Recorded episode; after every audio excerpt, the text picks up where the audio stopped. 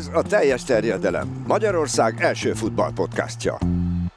A mai adásban Baumstark Tibor és Haraszti Ádám. És megint egy régi felállást veszünk elő. Kandó Tomi barátunk van itt velünk az eheti adásban, aki itt még szerintem nem járt nálunk ebben Itt a még nem. stúdióban, de azért egy párszor már korábban volt szerencsénk Igen. veled beszélgetni. Szerintem Ideje volt mindegyikben már. máshol voltál, nem? Jó esélye, szerintem igen. Talán igen. Hát Gondolkozom, egy pár helyen azért vettük már fel a podcastet. Igen, tehát nem biztos, hogy mind a hat helyen voltam. Tehát Hát várjál, ú, Hát lehet, hogy sok... a hat az, a hat az kevés, amit mondtál, szerintem egy ilyen 16-nál. akkor nem, akkor nem. nem, Na jó, hát nem. hogyha az ilyen különleges van-off dolgokat számítjuk, akkor az nyilván még egy picit szaporodik a helyszínek száma, de hogyha most össze kéne számolni, igen, bajban leszünk. De hát ugye nagyon sokat bent vettünk fel még a Digisportnál. Igen. Aztán volt, amikor ugye nálam vettük fel otthon sokáig. Ott voltál, Ádi? Nem voltam Ádinál Ádinál, sem. Na, egy már Nem. akkor kilőve. Tománál talán Nancsi voltál. Tomáiknál Tománál voltunk, sem igen. voltam. Ajjajjaj, Hát akkor- Na, tessék. Bent a, itt a Róna utcában. Ott voltam, igen, Na, ott biztos, Mondjuk ott is volt voltam. több felállás, Igen, igen, igen. Na mindegy, jó van. Hát üdv itt is. Köszi. És örülünk, hogy itt vagy Köszi a természetesen. meghívást. Tomival annak idején még a Digisporton dolgoztunk együtt, ugye jelenleg a hivatalos ugye Network 4 csoport. Igen, igen, igen, igen, igen, 4, Match igen, 4. igen.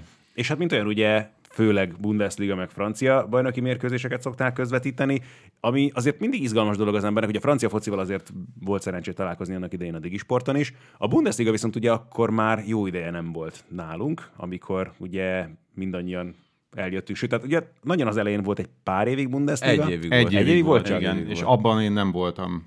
Ja persze, már a, bocsánat, már sportévével keverem, mert ott volt még egy pár évig nekem szerencsém, hogy a Bundesligát közvetíteni. De igen, tehát mi a, akkor közvetítettük azt az egy szezont. 2009-10. Így van, így van, így van, amikor a Wolfsburg volt a címvédő. Így van. És a Bayern lett a bajnok.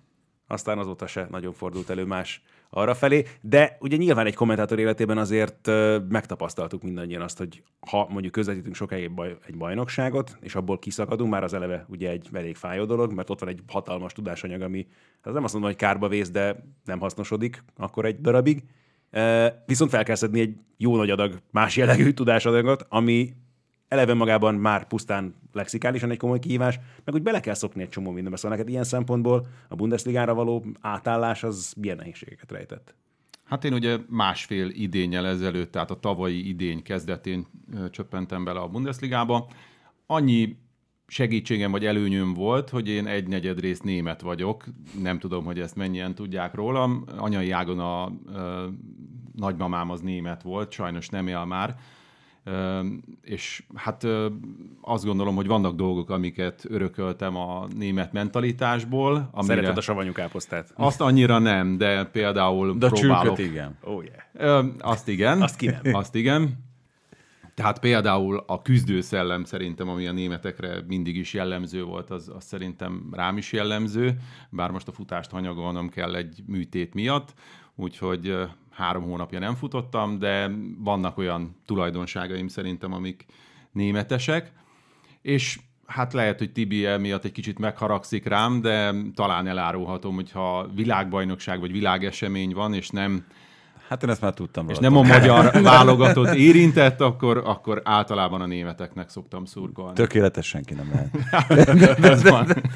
Én ezt nem is tudtam egyébként. Nekem, Hát nekem volt meg volt, meg sőt, még az is megvan, ha jól emlékszem, hogy ki a kedvenc német Thomas kapusod. Müller. Igen, igen. Hát sokat rontott a, a megítélésén az, elmúlt, az elmúlt évben a korábbi kedvenc kapusom, de szerintem a pályán, amit ő nyújtott, azt, azt azért nehéz megkérdőjelezni. Kánról van szó természetesen. Azt tudom, hogy Manuel Neuerben rá is illett volna egyébként ez a leírás ebből a szempontból. Nem, figyelj, ő rendben van, szerintem most is, ugye a hétvégén is elképesztő bravúrokat tudott bemutatni a Werder Bremen elleni mérkőzésen. Nekem nagyon tetszett annó Kán hozzáállása, tényleg ez az elképesztő győzni akarás, hogy villámokat szórt a szeme. Igen, ez van, aki gyökérségnek hívta volna, de nem, Oliver Kahn barom jó kapus volt, tehát ezt azért ne vegyük el tőle nyilvánvalóan. Igen, kapusnak biztos, nagyon jó volt. Volt egyfajta És német jó képű. kapusiskola, se. Uh, azért itt tényleg 70-es, 80-as, 90-es években, tehát Dominik Schumacher, aki kapásból előszembe jut ezzel kapcsolatban. Tehát egy német kapusnak kellett, legyen egyfajta kiállása, meg hogy is fogalmazott, tehát pattogtak le róla azért az emberek, hogyha közelébe került bárki, ami viszont valahol meg szükséges is, tehát egy kapus szempontjából az, hogy meg kell szerezni a labdát, az önmagában igen, egy fontos dolog, de nem baj, hogyha van egy olyan aurád, amitől tartanak az ellenfelek, és ez azért egy pár német kapusnál megvolt. Hát nem tudom, hogy a fiatalabb hallgatóink, nézőink mennyire ismerik Tony Schumachernek a könyvét. Fütyülök rátok sípjá volt a kötet címe. Én ezt annó fiatalon olvastam, ugye kapus palántaként olvastam, és neki az volt a mantrája, hogy ő egy tigris, és a labda a zsákmány, amit meg kell szerezni, amit meg kell fogni mindenféleképpen. Hát ugye abban a könyvben azért ezen kívül is voltak érdekes dolgok a felkészüléssel, meg a virágcserébe elhelyezett tablettákkal kapcsolatosan is, de most ebben nem menjünk bele. Hajdolti mesélte annak idején, ő is nagyon szeret egyébként Schumachernek a könyvét, aztán ő dolgozott ugye vele együtt annó a Fortuna Kölnél, utána már nem volt feltétlenül annyira pozitív az ő szemében sem az ő megítélés, de nagyon messzire mentünk valóban, viszont akkor tényleg kezdjünk Bundesligával, már csak azért is, mert rendeztek ugye egy nagyon komoly rangadót a hétvégén, és ez a Leverkusen egyébként is az egész európai szezonnak az egyik legkellemesebb ö, szereplője, ezt nyugodtan fogalmazhatunk így. Um, azért mindenki számára a legnagyobb kérdés az ebben a szezonban, ugye megint, hogyha már a Bayern München szóba került itt Oliver Kahn kapcsán, hogy meg lehet őket szorongatni, meg egyáltalán meddig tartat ki a Leverkusennek a lendülete, és megint itt voltak olyan pillanatok a hétvégén ezen a mérkőzésen és a Leipzig ellen, amikor ez megkérdőjeleződhetett, aztán mégiscsak sikerült megoldaniuk ezt a meccset is. Nagyon nehéz fogást találni ebben az idényben a Leverkusen együttesén. Tényleg nagyon szépen össze van rakva a csapat, rendkívül gyors átmenetekből, életveszélyes csapat, ha felállt játékra van szükség, akkor is nagyon jók, tehát rögzített játékhelyzetből is meg tudják szerezni a gólokat. És hát 26 meccse, 26 tét meccse veretlen a Leverkusen. Ez azt gondolom, hogy kellő önbizalmat ad Csabi Alonso együttesének az egész idényre, tehát ez történelmi rekord, ugye Németországban ilyen német csapat még nem volt, amely a szezon kezdete óta 26 meccsen keresztül veretlen tudott maradni, a 80-as években a Hamburgnak volt egy hasonló szériája, de azt megdöntötték itt a december folyamán, és hát minden posztra megvannak a, a tökéletes emberei. Radecki nagyon jól véd, az egyik legjobb ö, statisztikai mutatókkal rendelkező kapus a Bundesligában. Most ugyan Boniface ugye kiesett, de Sik és a többiek úgy néz ki, hogy megfelelően tudják pótolni. Szerintem tökéletesen rendben vannak. Aztán, hogy ez kitart-e a szezon végéig, azt nagyon nehéz megjósolni, de úgy tűnik, hogy most a szerencsefaktor is mellettük van, mert azért ehhez a legutolsó két 90x perces győzelemhez kellett a szerencse, ez kétségtelen, de nagyon sokat tesznek érte, hogy, hogy a Bayern letaszítsák, illetve a München is sokat tesz azért, hogy, hogy leessen a trónról. 7 pont most, most, ugye? 7 pont, igen, 48 pontja van a Leverkusennek, 41 a Münchennek. Van egy elhalasztott, vagy ugye most pótolják be, majd szerdán, nem tudom ki mikor hallgatja, tehát szerdán bepótolják az Union Berlin elleni elhalasztott mérkőzésüket a müncheniek, de hát így is marad négy pont, és ugye Tuchel arról beszélt, hogy amikor a Leverkusenhez mennek majd, mert ugye a gyógyszergyáriaknál játszanak majd a tavasz folyamán, akkor olyan különbséget szeretnének, hogy egy győzelemmel előzhessenek. Hát ez most egyelőre még matematikailag nem jön össze. Igen, ebből a szempontból lesz érdekes, vagy már valamit ad azért ebből a szempontból is az utóbbi néhány fordulópont, amit ugye említettél itt a szoros meg utolsó pillanatokban megszerzett győzelmek, mert ugye vannak azért a Leverkusennek is hiányzói itt eh, a kontinens tornáknak köszönhetően, meg egyébként is majd nyilván, amikor indul be itt a nemzetközi kupa tavasz, akkor az még egy lapáttal rátesz itt a terhelésekre, és az lesz az igazi nagy kérdés, hogy ezt hogyan fogja tudni De a voltak is, Leverkusen. nem? Tehát, hogy az egész szezon során azért arról beszélhetünk, hogy teljesen az abszolút fényes kezdőt nem tudta föltenni soha a Csábi Alonso. Tehát ennek ellenére jön össze Igen, ez a folyamatosan. menetelés. Hát Sik ugye most ért vissza nem régiben, tehát ő is ugye elég sokat kihagyott például, de most ez a Leverkusen szempontjából jól jön ki, hogy hogy ez így alakult, illetve hát a rangadókon volt egy picit halványabb a Leverkusen, ott ugye általában döntetlenek jöttek, de a Lipcsét ugye, ugye oda-vissza sikerült legyőzni, tehát azért ez egy komoly fegyvertény, még akkor is, hogyha a Lipcse a bajnoki cím sorsába idén sem szólhat bele. És hát bírják egyelőre a terhelést, ugye a német kupában is érintettek, az Európa Ligában még ugye várják, hogy a 16 között majd ki lesz az ellenfél, úgyhogy ott is van egy kis lehetőségük arra, hogy, hogy valamennyire sakkozzanak a, a rendelkezésre álló játékos állományjal, úgyhogy nagyon jól mutatnak. Hát aztán nem tudjuk, hogy a Leverkusen faktor előjön-e ennél a csapatnál, ugye. Magyarul a... Loserkusen, Neverkusen. Hát igen. Magyarul. Igen. Szóval ugye erre mindenki emlékszik, hogy, hogy volt már olyan Leverkusen, amire mindenki azt mondta, hogy biztos megnyeri a bajnokságot, biztos, És aztán hogy nem Patrick tudják, Anderson. És aztán, és aztán mégiscsak el tudták Megjött veszíteni. Mihály Balaka öngolja az Unterhaching ellen, tehát ennek is van szép történelme, Igen. meg története az ő esetükben. Úgyhogy ez az, amitől tarthat idézőjelben bárki, és tényleg sok van még hátra ebből a szezonból, de megint amikor egy ilyen meccset így meg tudnak nyerni, mint ez történt most a Lipcse ellen, akkor azért az azt mondatja az emberre. Beszéltünk persze szerencséről, de akkor egy ordas közszegypufogtatás következik, azt szokták mondani, hogy annak van szerencsé, aki megdolgozik érte, és azért ez a Leverkusen bőven dolgozott ezért már az idén. Igen, és tényleg nagyon nehéz hibát találni a játékukban, és nagyon nehéz olyan embereket ö, kijelölni ebből a csapatból, akik esetleg rosszul teljesítenek, akik alul teljesítenek, vagy, vagy nagyon sokat hibáznának. Ugye, ha már a Lipcséről szó van, akkor ott van Blasvik, aki ugye megszilárdította a helyét Gulácsival szemben, és hát például a hétvégén nem védett olyan nagyon jól. Szerintem a háromból két és fél gólban minimum benne van, a két beadásban biztosan, de talán a harmadik, vagy az elsőben is. Összességében a, a három gól szerintem bravúra hárítható lett volna kapus szempontból. Nem mondom, hogy Gulácsi ezt megoldotta volna, mert ugye nem látjuk Gulácsit, német kupa mérkőzéseken kapott kevés lehetőséget. Most szerintem egyébként jó esély van, hogy, hogy esetleg visszakerülhet. Pont ezt akartam mondani, hogy jó irányba elvezel szerintem, mert egyrészt ugye volt Rózének egy furcsa nyilatkozata is, meg tegyük hozzá, hogy azért Blanzviknak is a problémái azért nem most kezdődtek, mert azért decemberben is volt már egy-két érdekes húzása. Ez a Frankfurt elleni mérkőzés, az egy kaput eltaláló lövés, egy gól sem mutat nyilván olyan nagyon jó, de ez megint egy olyan szituáció volt, hogy most akkor igen, bravúrral talán azt el lehetett volna érni. De ugye azt mondta Róze, hogy azért is gondolkozik azon, hogy forgassa idézőjelben a kapusait, és használja mindkettejüket gyakrabban, még úgyis ugye, hogy a kupában már nem érintett a Lipcse, hogy, vagy azért fordult ez meg a fejbe, mert hogy látja Gulácsi teljesítményt az edzéseken, és hogy általában top formában van, és nyilván így nehéz pláne egy olyan kapust a kispadon tartani, aki azért egyrészt csapatkapitány volt, aki tényleg klublegendának nevezhető, ott volt már ugye abban az időszakban is, amikor még csak feltörekvő klub volt a Leipzig, úgyhogy azért ez valóban adhat reményt, azt hiszem arra, hogy tényleg láthatjuk a tavasszal Gulácsit. Hát meg felmerült ugye Gulával kapcsolatban, hogy esetleg távozik. Azt gondolom, hogy, hogy nem járna rosszul vele egyetlen klub sem. Ő azért még mindig csúcs teljesítményre képes, legalábbis a, a hírek szerint tényleg ugye nagyszerű formában van.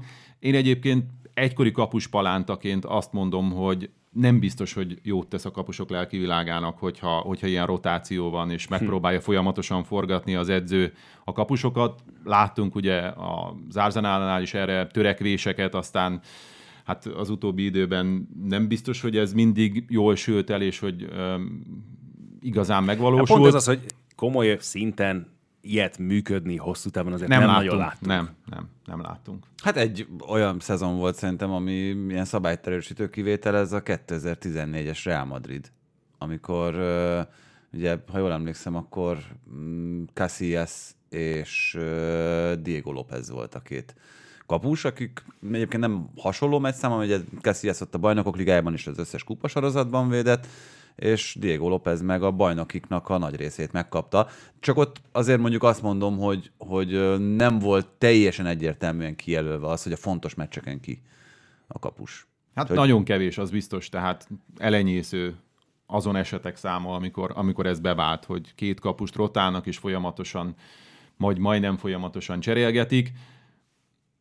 Nem tudom, hogy a, a Lipcsénél ez mennyire működhet. Jó lenne, hogyha végre Gulácsi visszakerülne, és akkor, és akkor ha megkapja a játékperceket, akkor tudunk róla igazán véleményt mondani, mert azért azt tudjuk, hogy edzésen más teljesíteni, mint a mérkőzéseken. Hát meg mondjuk az EB szempontjából sem egy lényegtelen Hát a válogatott apróság. szempontjából rendkívül fontos. Ugyan Dibusz jól teljesít, tehát nincs ezzel probléma, de a versenyhelyzet meg mindenféleképpen kell szerintem. De akkor beszéljünk más magyar válogatott játékosokról is, akik Németországban teljesítenek szolgálatot, mert van ezzel kapcsolatban ugye friss hír is, meg Tominak is ugye a hét pillanata az köthető ebbe a kategóriába. Igen, hát el vagyunk kényeztetve az utóbbi időben magyar játékosok jó teljesítménye kapcsán. Ugye Salai Roland a hétvégén győztes gólt szerzett a Freiburgban, a Hoffenheim elleni mérkőzésen. Hát azt hittük a hétvégén, hogy ugye magyaros rangadóink lesznek a Bournemouth Liverpoolra, és ezt gondoltuk meg a Freiburg Hoffenheimre, és aztán ugye Szalai Attila nem lépett pályára, de a gólszerzőről nagyon kevés olyan esetet tudok felidézni, amikor tétmérkőzésen, európai topbajnokságban magyar játékos fontos mérkőzésen utolsó pillanatokban vagy utolsó percekben győztes gólt szerez.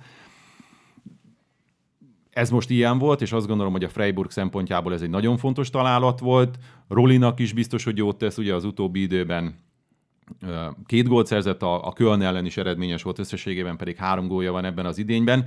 Ugye nagyon rosszul jött neki az a tavalyi sérülés, amikor elég sokat ki kellett hagynia, de úgy tűnik, hogy, hogy megint rendben van. Más kérdés, hogy neki meg lassan váltania kell, ugye 2018 óta itt van talán a Freiburgban, tehát ezért ez most már elég hosszú idő.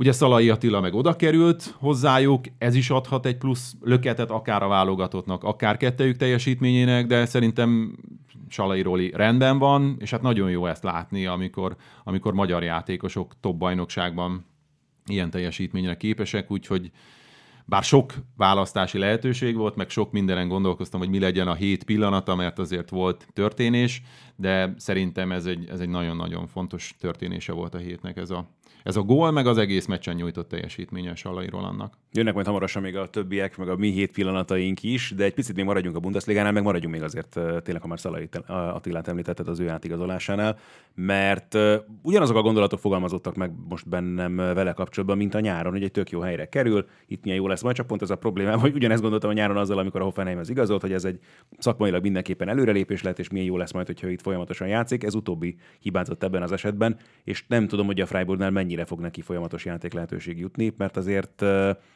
akár még elő is fordulat, mert ugye Strike-nál sem lehet tudni, hogy éppen melyik nap hogy kell fel, hogy akkor most három vagy négy védővel szeretne játszani, de ugye Attila is mind a két rendszerben tud játszani, ha kell, akár szélsővédőként, szányvédőként is, bár ugye a válogatottban, meg magyar szurkolók szerintem ezen a poszton látták őt kevesebbet játszani. Bocsánat, szóval... hadd csavarjak egyet a kérdésen. Oda szerződött volna szerintetek Szalai Attila a Freiburghoz, hogyha nem azt mondták volna neki, hogy itt viszont megkapod a játék lehetőséget, pont abból kiindulva, amit itt Gulácsi kapcsán is mondtunk, hogy szerintem itt most különösen fontos a nyári Európa bajnokság uh-huh. előtt, pláne, hogy mondjuk Németországban lesz, azért a Bundesligában játszók talán még inkább érezhetik ennek a fontosságát, nem mint hogyha a többiek ezt ne így tennék, de nem villantották föl szerintetek annak a lehetőségét Szalai Attila előtt egyértelműen, hogy itt azért most megkapod az esélyt? Hát szerintem, bár nem tudom profi labdarúgóval erről még nem volt szerencsém beszélgetni, biztos, hogy megnézi az adott játékos, hogy milyen posztriválisai vannak az esetleges leendő csapatában. Na most a Freiburgnál hét középső védő van jelen pillanatban, ebből ketten hosszabb távon sérültek, Günther gyakorlatilag alig játszott eddig ebben az idényben. Linhártot most műtötték ágyéksérvel, tehát valószínűleg azért ő is minimum néhány hetet, de lehet, hogy inkább hónapot ki fog hagyni. És van két fiatal középső védő, 20-21 évesek, akik szintén sérültek. Tehát nagyon úgy tűnik, hogy meg fogja kapni a lehetőséget. Az kétségtelen, hogy Christian Streich egy nagyon nehéz ember, de legenda, helyi legenda Freiburgban, tehát vele nagyon nehéz bármiféle vitás kérdésben győzelemre jutni, vagy a közvéleményt magad mellé állítani ott helyi szinten. Tehát az nem biztos, hogy baj. Nem biztos, hogy baj, de, de ez, ez azért benne van a pakliban. Tehát ugye Salainak is volt legalábbis hír arról, volt legalábbis plegyka arról, hogy voltak összekülönbözései, ugye nem tetszett Strike-nak, hogy felröppent a plegyka, hogy, hogy el akar igazolni a Freiburgtól. Én azt gondolom, hogy Szalai Attilának ez egy, ez egy nagyon jó lehetőség. Reméljük, hogy megkapja a játékperceket. Ugye a Hoffenheimben hát 290 percet kapott a szezon első felében, hát ez ugye nagyjából három meccsnek megfelelő idő, ez is négy mérkőzésen, ugye volt egy bal szerencsés öngólja, ami után egyből lecserélték, biztos ez sem tett jót az önbizalmának, és hát sajnos a válogatottban is azt hiszem, hogy látszott a játékán, hogy, hogy nincsenek meg a meccspercei, nincsen annyira meg az önbizalma, mint korábban a török időszakban, ahol ugye 30 pluszos meccszámai voltak idényenként, úgyhogy, úgyhogy kell neki szerintem ez a változás, és reméljük, hogy jó helyre ment. A Freiburg ugye szintén érdekelt az Európai Kupa porondon, tehát ott is azért van némi lehetőség, bár a Lance szerintem elég nehéz Beszél. riválisnak mondható, tehát azért ott nem biztos, hogy lesz folytatás, de a Freiburg ott van az élmezőnyben, a Bundesligában kevesebb ponttal ugyan, mint tavaly, de még mindig így is szerintem felülteljesítés van, tehát nem a középmezőnyben, hanem a nemzetközi kupahelyekért küzdenek, úgyhogy szerintem a Freiburgi csapatnál ezzel nincsen probléma. A Hoffenheim azért nem mutat az utóbbi időben olyan jól, ugye nagyon jól kezdték az idény, de hát az utolsó hetekben, sőt hónapokban egyetlen győzelem, ott egyébként játszott éppen Szalai Attila azon a mérkőzésen, úgyhogy szerintem ez egy, ez egy jó döntés, hát aztán majd az idő megmondja, hogy tényleg így van-e egy csapatról még mindenképpen beszélünk kell a Bundesliga kapcsán, ez pedig az a VfB Stuttgart, ami egy elég komoly lendülettel kezdte ezt a szezont, aztán nem tudom, hogy mennyire érdemes őket Lufinak nevezni, meg pláne kipukat Lufinak nevezni, de azért vannak erre utaló jelek, hogy ami bármennyire is szépen indult az évad a számukra, azért talán olyan nagyon nagy veszélyt itt a dobogón tartózkodó csapatokra nem feltétlenül fognak jelenteni. Meg bocsánat, mielőtt még itt a, a mostani helyzetet elemezzük, próbáljuk meg azt azért megfejteni, hogy hogyan lett egy folyamatosan évek óta kiesés ellen küzdő klubból bajnokok ligája aspiráns. Én erre mondanék egy viszonylag egyszerűnek tűnő választ, ami pusztán szerintem az edzőnek Hönesz? a személye nagyon fontos ebben a kérdésben. Igen, Hönesz jól szállt be, ez teljesen egyértelmű. Ugye ő tartotta bent az előző idényben a Stuttgartot, bár az osztályozó az borzasztó síma lett. Ugye a hamburgiak tudnának erről mesélni, Hú. akik öt éve hiába küzdenek azért, hogy visszakerüljenek a Bundesligába. Tehát azt, azt jól oldotta meg és hát van egy elképesztően teljesítő Girassi a, Stuttgartnak, már amikor van, és nincs ö, sérülése, vagy nemzetközi válogatott elfoglaltsága. Szerintem ő elképesztően meghatározza ö, ennek a csapatnak a teljesítményét. Ami nagyon figyelemre méltó a Stuttgartnál, hogy összesen 7 gólszerzője van. Az összes többi élcsapatnak 10 fölött, 12, 13, 14, kinek mennyi a Bundesligában, és hát ez azért az ellenfelek dolgát is jelentősen megkönnyíti, amikor tudják, hogy nincsen Girassi, a többiek azért nem annyira veszélyesek talán, úgyhogy ez így valószínűleg komoly visszaesés lesz a, a tavasz folyamán, és hát talán az is meglepetés lenne, hogyha a Stuttgart ott lenne a nemzetközi kupaszereplést jelentő helyek valamelyikén. Viszont szerintem azok után, hogy az elmúlt években rendre a bemaradásért küzdöttek, nem lesznek olyan nagyon csalódottak, hogyha mondjuk 8.-9. helyen végeznek, és nem lesz kiesési probléma. Hát ha már Girászit emlegettük, ugye vele kapcsolatban is azért lehetett hallani a plegykákat, azért tart még a januári átigazolási időszak, tehát egyáltalán nem biztos, hogy tavasszal is Stuttgartban fog maradni. Meg tényleg, ha már ez Tibi ugye felvetette ezt a kérdést, hogy hogy történhet ilyen egy csapattal egyik pillanatról a másikra, ebből a szempontból talán a Bundesliga a legjobb táptalaj az ilyen feltámadásokra, pontosan abból fakadóan, hogy mennyire közel vannak egymáshoz a csapatok, mennyire jelent mondjuk különböző szintet nyilván mondjuk az a néhány klub, amelyik egyértelműen minden évben itt a bajnokok ligája indulásért küzd. Hát és itt van az Unión belül amelyik pont az ellentétes utat járta Igen. be. Hát azok a csapatok, amelyek a nemzetközi kupaporondon szerepeltek, nagyon kevés kivétellel elég komoly visszaesést mutatnak a Bundesligában. Mondhatjuk az Union Berlint, amely abszolút nem bírta ezt a kettős terhelést, illetve talán nem bírta azt a figyelmet, meg azt a ö, felhajtást, ami ezzel a bajnokok ligája szerepléssel járt. Rossz igazolások, ö, olyan játékosok, akiknek nem kellett volna oda kerülni, nem véletlenül nézek Tibire. Csak nem Bonucci-ra gondolsz. Hát nem biztos, hogy a, a klub történetének a legjobb igazolása volt, és közben azért gyanítom, hogy nem kis pénzről volt szó az ő esetében. Tehát, hát, ő, ez, egy, ez egy klasszikus félremenedzselése a helyzetnek szerintem, ami, ami ott történt. Nyilvánvalóan számukra is ez egy olyan terep volt, ami egy kicsit ismeretlen, ingoványos.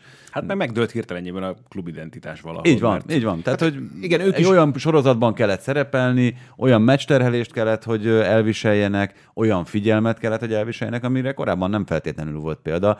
Ilyenkor azért szerintem olyan nagyon nem lehet megróni sem a klubvezetőket, sem azt, aki azt gondolja, hogy itt akkor most szintet kell lépni, és egy kicsit másképp kell gondolkozni.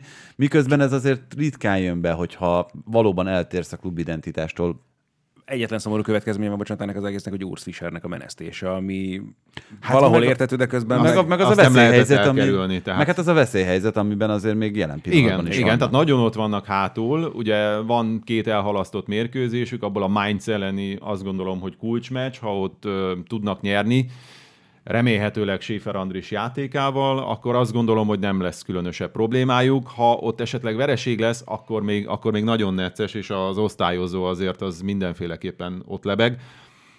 Nehéz azt mondani szerintem a játékosoknak is egy bajnokok ligája csoportkörben, hogy, hogy ne úgy küzdjenek, ne úgy hajtsanak mondjuk egy Napoli elleni mérkőzésen, hogy tartalékoljanak a bajnokságra, de hát valahol ennek a, ennek a rovására ment, és ugye láttunk más példákat is el.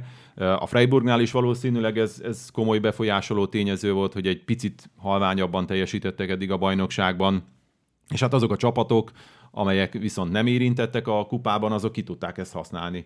Lásd a Stuttgartot, a Hoffenheim is szerintem ennek is köszönhette, hogy, hogy jól kezdett és ott volt a szezon elején, és hát a Dortmundnál meg fordítva láttuk ezt, ugye a BL-ben nagyszerűen teljesítettek, a bajnokságban meg talán most kezdik összekapni magukat. Folytassuk szerintem a további hét pillanatokkal, és akkor lehet, hogy egy kicsit Olaszország felé vesszük az irányt, mert hogy Tibi és én is nem annyira meglepő módon szériás pillanatokat választottunk. Más kérdés, hogy ugye Tibi esetében ez feltétlenül nem egy annyira felemelő momentum. Nem, és sajnos ebben is azt akarom kiemelni, itt Mike Menyan levonulását jelöltem meg én a hét pillanataként, hogyha valaki esetleg lemaradt volna róla, az Udinéze Milán első ö, félidejében történt ez, a 30. perc után nem sokkal, előtte már Menyan jelezte először a negyedik játékvezetőnek, utána pedig a játékvezetőnek is, Fábio Mareskának, hogy folyamatosan inzultálják őt a kapu mögötti szektorból. Ugye azt mondta később a meccs után, hogy már az első kirúgás elvégzésekor majom huhagást hallott, meg, ö, megmutatták is, tehát gesztusokkal is folyamatosan cukkolni próbálták őt.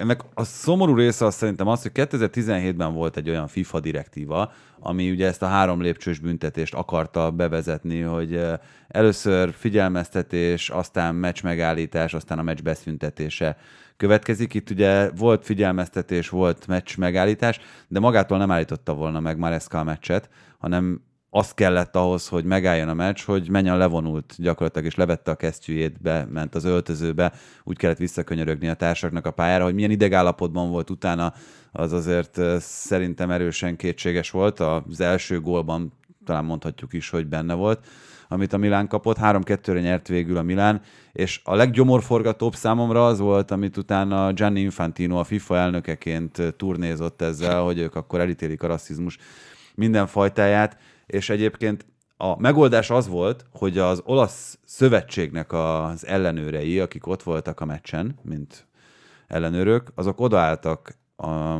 kapu mögötti részre, menjen mögé, hogy videózzák, hogy tudnak-e valami bizonyítékot szerezni arra, hogy itt történtek rasszista megnyilvánulások. Nem kétséges, hogy előtte történtek, tehát akkor, akkor kezdjük itt. Hát meg egy olyan stadionban vagyunk, hogy az Udinézének azért az arénája egy modern létesítmény. Tehát nem hiszem, hogy Ahol ne ki lehetne szűrni kamerarendszerrel ezeket. Nem nagyon érzem az ezzel kapcsolatos erőfeszítéseket, ha már pedig ilyen hangosan elítéljük a, a rasszizmust, mert ebben azért mindenki Hmm. borzasztó erős, hogy mind a szövetség részéről, mind a liga részéről, mind a FIFA részéről jönnek ezek a lózungok, hogy, hogy mennyire fontos az ez elleni harc, akkor szerintem a tettek azok, azok fajsúlyosabb dolgok lennének, mint, mint ezek a, az erősnek gondolt szavak. És én nagyon sajnáltam Menyant, főleg amiatt, amilyen látható lelki állapotban volt ott a kapuban utána, és azt sajnálom leginkább, hogy igen, itt ebben példát kéne statuálni. Azt mondani, hogy gyerekek, akkor, hogyha ilyen hülyék vagytok, akkor beszüntetjük a meccset, 0-3. Mert addig nem lesz kész. valódi Igen. következménye Igen, ennek az ez egésznek, biztos. amíg nem látunk ilyet. Egyébként a kamera rendszerre visszatérve, hát nem tudom hány alkalommal látott az ember ilyen kamerafelvételeket, de én amiket látok, az alapján én senkit fel nem ismernék, tehát ez, ez túl sokat nem segít. Viszont példát kellene statuálni, és borzasztó, hogy 2024-ben ezzel kell foglalkozni.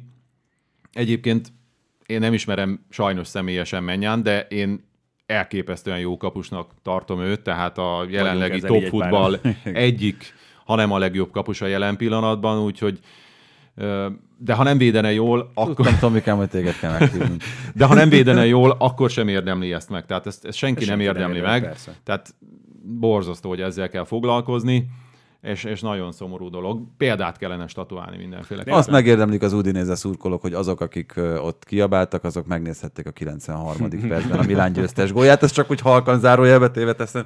Hát igen, ez ilyen karma jellegű dolog volt, ez kétségtelen, hogy így nyerte meg a Milán, és így húzta be ezt a győzelmet. Hát nem tudom, hogy megérte a hazai szurkolók részéről, az biztos, hogy még emellett is, is kellene büntetés. Tehát. Ez annyi a baj, és itt egy másodpercig sem felmenteni akarom a, az abuzálókat, hogy onnantól kezdve, hogy először megtörtént ez. És azért baj az, hogy nincs következmény. Onnantól kezdve azt látják, hogy kizökkentik a kapust vele. Mert foglalkozik ezzel menyan, mert hátra nézeget, mert nem úgy tudja ellátni a feladatát, ahogy, akkor ez olaj a tűzre. Onnantól kezdve egészen biztos, hogy még inkább próbálják őt ezzel hetszelni, ezzel hergelni, csak ennyi a problémám ezzel, hogyha egyébként ilyen eszközöket is lehet használni, mert tényleg nincs következmény, nincsen meccsbeszüntetés, nincsen ö, Milán javára, vagy annak a csapatnak a javára ítélt győzelem, amelyik ö, kárára elkövetik ezeket a kihágásokat, akkor azt fogják érezni a szurkolók, hogy igen, minden apró belefér. trükk az Persze. belefér, ami, ami egyébként a mi csapatunkat segíti, mert érezhették úgy, hogy ezzel a sajátjaikat segítik. Igen, annyi megjegyzésem van ehhez egyébként, hogy azért ismerünk olyan sportolókat, focistáknál talán ez nem annyira kiszűrhető, de egyéni sportákban, például teniszben, Gyokovicsnál ez egyértelműen kiszűrhető, hogy őt, ha hergelik és cukolják, akkor az sokkal jobb teljesítményre igen. képes, mint egyébként. Nem tudom, Michael hogy... Jordan. Nem tudom, hogy Menyánnál ez, ez mennyire működött, de, de biztos, hogy azért érzett némi elégtételt, hogy, hogy végül behúzta a Milán ezt a meccset az apró trükkök nagymesterét, azt hiszem José mourinho hívják, vagy hívták valamikor, vagy nem tudom, hogy azt mondja, ez az aura is azért megkapott már elég erőteljesen az utóbbi időben. És itt volt azért ugye az elmúlt héten egy minimum hirtelennek nevezhető döntés az AS Roma vezetői részéről, még akkor is, hogyha valahol már lehetett sejteni, hogy ebből valami ilyesmi fog következni, ettől még nem tűnik sokkal megfontoltabbnak az sem tűnt annak, hogy Daniele De Rossit nevezték ki vezetőedzőnek, és ez önmagában ugye szintén már, ha már itt a Milánról beszéltünk, volt egy ilyen időszaka a klubnak, ahol egymás után égették el a kispadon a korábbi játékos legendákat. Valami Szörnyű hasonlót, volt. Így van, valami hasonlótól tartok még mindig, annak ellenére, hogy nekem meg ez a hét pillanata, hogy Daniel Még De Rossi... szegény Christian Brockit is megégette. Ajaj.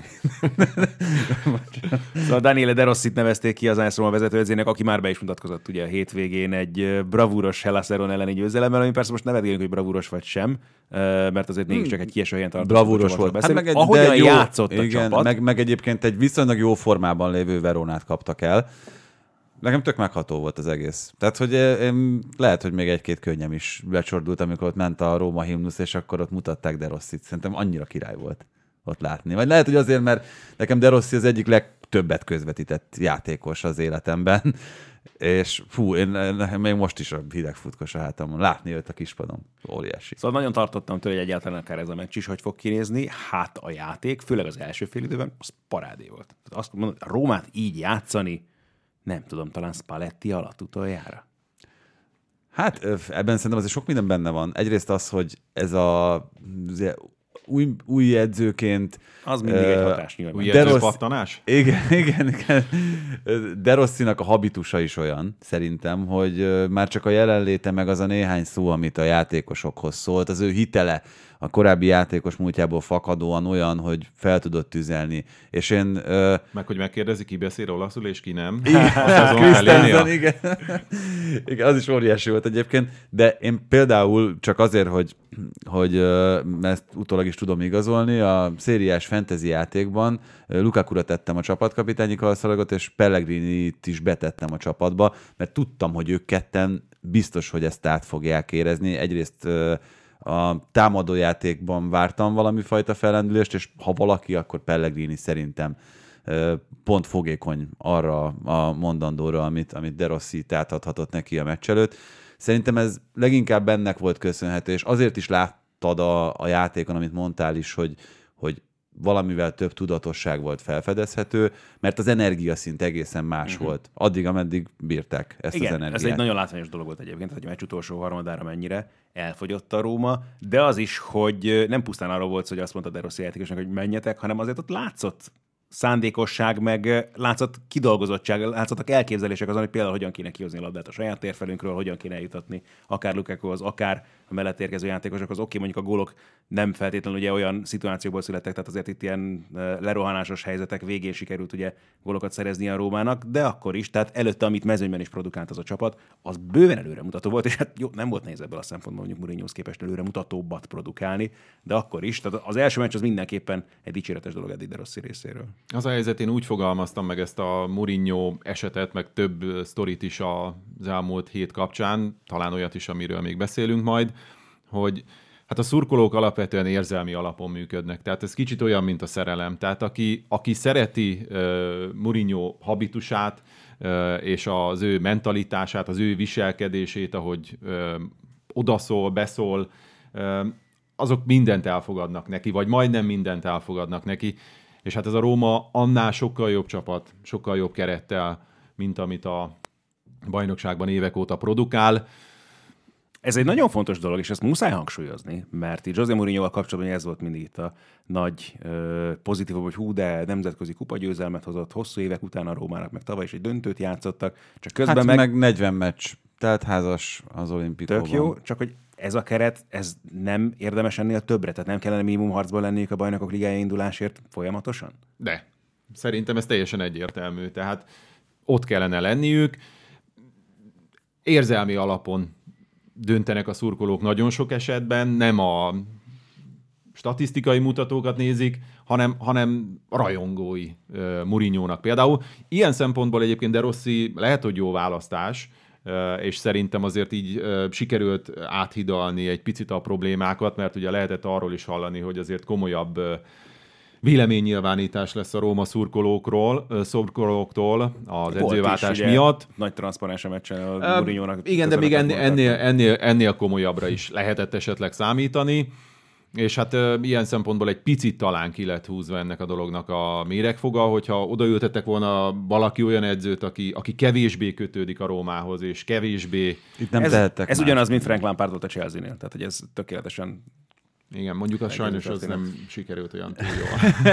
és még hát mondod, ezt... rossz, de Rosszival kapcsolatban oké, most ez jól nézett ki az első, de azért már itt meg hosszú távon, hogy mi lesz ebből. Mert... Persze, jó, de ez, tehát azért tegyük hozzá, hogy ahogyan Frank Lampard esetében is, ha már ő volt a példa, de Steven Gerrardot is hozhatjuk itt a, az Aston Villánál, ami egyébként egy jól indult, de aztán utána egészen csúnya történetbe hajló projekt volt, hogy azt a lehetőséget azért adjuk meg, hogy egyrészt De Rossi már abban az időben játszott, ahol a szerepeket nagyon szépen leosztották az edzői stábon belül. Tehát ha De Rossi egy jól menedzselt edzői stábot rak össze, hogyha megfelelő embereket hozod a maga mellé, akkor lehet, hogy neki ez lehet a fő feladata. Most azon túl, hogy nem tudjuk, hogy a taktikai felkészültsége pontosan mi, és mit akar e pillanatban, hogy, hogy ő motiváljon, hogy ő frontember legyen, hogy ő a szurkolók felé kommunikáljon, hogy a játékosok számára ő képviselje azt a hitelességet, ami, ami ebben a helyzetben fontos. De mondom azt azért tegyük hozzá, hogy látott nagyon nagy edzőket munka közben De Rossi, hm. egészen közelről, tehát Spallettivel nagyon sokat dolgozott együtt, de most, hogyha azt nézzük, és nem itt a legutóbbi nápolyi időszakát nézve, Rüdi Garciától is biztos, hogy egy csomó... Marcello Lippi. Marcello Lippi, bár bele nem biztos, hogy dolgozott. Hát 2006. Vele, ja igen, a válogatottnál. Hát ö, igen, a döntőre visszatért.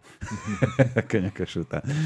Ö, igen, tehát, hogy Lippivel, akkor, akkor nyilvánvalóan az, hogy Venturának a segédje volt az olasz válogatottnál, ami nem egy kimondottan sikeres időszak volt. A csapatnál csak azt mondom, hogy belelátott ö, olyan működésekbe, amik segíthetik ezen a pályán. Úgyhogy én, én a kreditet mindenképpen megadom neki, aztán, aztán majd meglátjuk, hogy ez hosszú távon. Hát és jönnek előre az olasz edzők, úgyhogy ez egy talán egy jó előjel. Ugye volt egy időszak, amikor a portugálok Mourinho vezetésével, meg ugye utána is jó néhány azért volt egy feltűnt. német időszak is most. Volt egy német időszak, most könnyen lehet, hogy olasz időszakról beszélhetünk, nem? Hát meg egyébként nekem itt a egyetlen egy párhuzam jutott eszembe, hogy ez a mélységi középpályásból az elmúlt korszak két legjobbja szerintem Csábi Alonso és De Rossi volt, vagy hát mondjuk, mondjuk a legjobbak között ők ott voltak, ez, ez a legkevesebb, ami elmondható róluk, és hát ha megközelítőleg olyan lesz De Rossi hosszú távon, figyelj, Csabi Alonso is mennyi, három-négy éves a minta? Tehát, Igen, hogy ott a, sem. az edzősködést nézve... Hát most igazából hát ő itt is- ez másfél, a Leverkusen. a Lever, igen, de Igen, hát, hogy és előtte, előtte még... Nagyon mély igen. ponton volt a Leverkusen, amikor átvette, még mélyebben, mint most a Róma. Egyebek mellett Mourinho Rómája verte ki Csabi a Leverkusenjét az Európa Ligából. De jó, tudom, hogy hogyan, na, meg tudjuk, hogy hogyan, de mindegy is, azt gondolom, hogy, hogy ez nekünk, mint, mint uh, foci rajongóként is működő uh, újságíróknak szerintem ez egy jó dolog, hogy a korábbi hőseinket látjuk ott a kispadon. Igen. Az egészen biztos. No, de akkor ö, jöjjön Doma hetének a pillanata, ami meg megint csak hát magyar foszira jogóként működő újságírónak azt hiszem, hogy egy nagyon kedves téma lesz. Nagyon nagy dolog történt a hétvégén a La Ligában. Több mint tíz év után újra magyar játékos lépett pályára. A Girona Sevilla mérkőzésen a 19 éves Jakobisvili Antal mutatkozhatott be, de nem a Girona felnőtt csapatában, mert ez már megtörtént a hétközben a kupában a Rayo ellen, ami ugye főleg annak köszönhető, egyrészt, hogy jól játszik Antal, ez nem is kérdés, másrészt, hogy több sérültje is van belső védőposzton a Zsironának, David Garcia és Eric Garcia is kiesett, ami nem szól olyan hosszú időre, tehát nem biztos, hogy nagyon hosszú életű lesz Jakobisvili Antal játszhatása, de az biztos, hogy neki ez egy óriási lehetőség volt, és élt is vele a Rájó ellen is, mert hogy a kupában 45 percet kapott, a második félidőt, és egészen kiválóan játszott. Most pedig az első félidőben, már akkor, amikor Dovbik 6 perc alatt szerzett Mester 3 is köszönhetően 3-1-re vezetett a Girona. Juanpe megsérült az első félidő közepén, és ekkor kellett beállnia Jakobisvili Antalnak, hogy meglegyen ez a bizonyos La Liga debütálás is, ami egészen pontosan azután jött, hogy 2013. június 1-én Pintér Ádám még a Zaragoza színeiben pályára lépett az Atlético Madrid ellen. Azóta nem volt magyar játékos a La Ligában. Antal egyébként megint kiválóan játszott, nem volt, szinte alig volt hibája, és könnyen lehet, hogy Mitchell ezek után is hozzáfordul majd, hogyha bármi probléma van, mert a Girona bár kiválóan játszik, de a középhátvéd poszton elég vékony a keret. És ugye azt se hagyjuk ki a sztoriból, hogy van egy testvére Antalnak, Jakobisvili Áron, róla már többet hallottunk, hiszen a Barcelona tartalék kapusaként egyszer-egyszer oda került a felnőtt keretbe. Természetesen ők tehát testvérek, azt kell tudni az ő sztoriukról, hogy 2017-ben azért érkeztek Barcelonába, mert az édesanyjuk itt kapott munkalehetőséget, és aztán a helyi csapatban, egy helyi kisebb csapatban kezdtek el focizni. Áron útja a Barcelona felé vezetett, Antal pedig 2021-ben a Girona felé vette az irányt, és milyen jól tette, mert hogy nem csak a Gironában, hanem lehet, hogy hamarosan majd a magyar válogatottban is látjuk bemutatkozni. És ez egy roppant örömteli történet, meg egyáltalán tényleg a két testvérnek. Ugye valóban mind a kettőkről volt már szó, azért itt az utóbbi hetekben én azt sajnáltam, hogy nem egy körrel korábban mutatkozott be a spanyol kupában, mert a Gironának azt a meccsét pont én közvetítettem.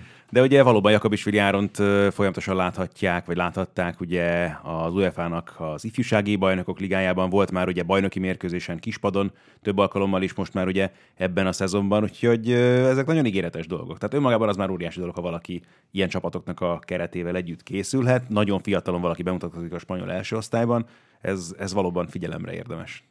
elképesztően nagy dolog. Ahogy Doma is említette, ugye 2017-ben ö, érkeztek meg ők Spanyolországba, és hát azért azt gondolom, hogy az ottani futballkultúrának, meg az ottani ö, utánpotlás nevelésnek nagyon komoly szerepe van abban, hogy ők eddig eljutottak, ami nagyon szép teljesítmény, reméljük, hogy ilyen lesz a folytatás is. És hát az jutott eszembe, amikor a héten, vagy múlt héten ugye bemutatkozott a kupában, aztán a bajnokságban, hogy régebben talán veletek is beszéltünk erről, hogy a magyar tehetségeket még ö, 22-23 évesen is emlegettük, hogy majd belőlük lesz valami, meg, meg ők majd esetleg oda kerülnek.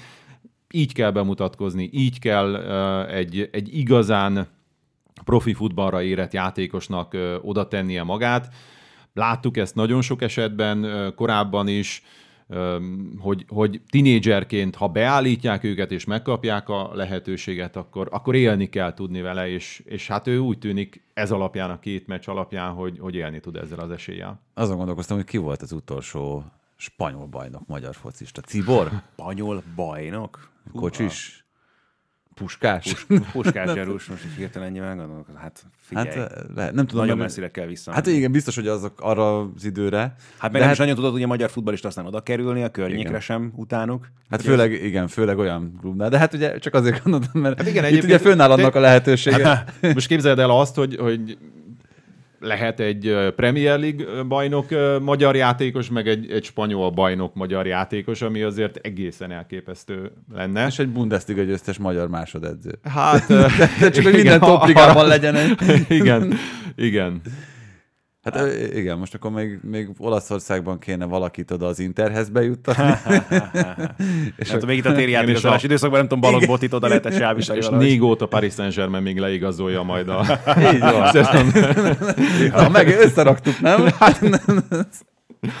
Sima ügy. Az egy izgalmas történet tényleg, hogy azért sokkal még hátraít ebből a szezonból. Eljuthat esetleg olyan szintre, hogy valóban már Rossi is komolyan foglalkozzon azzal a gondolat, hogy mondjuk akár EV keretbe nevezőt, mert ugye beszéltünk itt Szalai Attila kapcsán, és hogy azért mondjuk hátul lehetnek problémáik. Aztán ugye lehetett itt a válogatottal kapcsolatban mostanában mindenféle honosítási dolgokat is hallani, nem csak Dárdai Marcira gondolok, itt jöttek ugye újabb pletykák is. Smodixra ezzel gondolsz? Igen, Vagy igen. Smodicsra?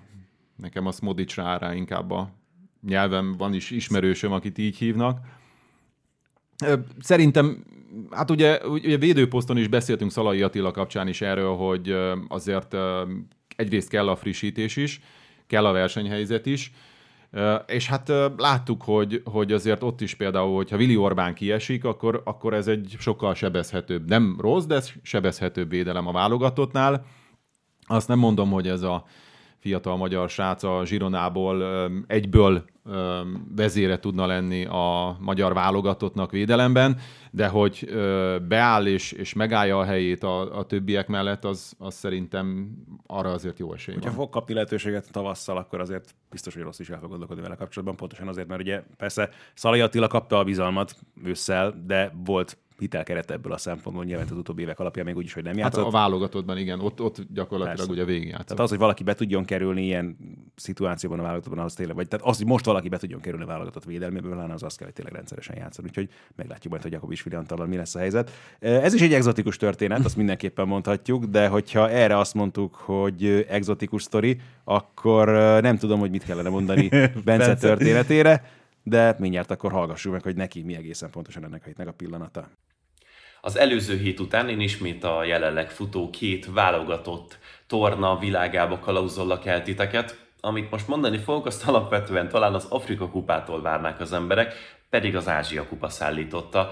Vasárnap rendeztek egy Kirgizisztán Szaúd-Arábia mérkőzést, amelyen a kirgizek az 53. percre már kettős ember hátrányba kerültek.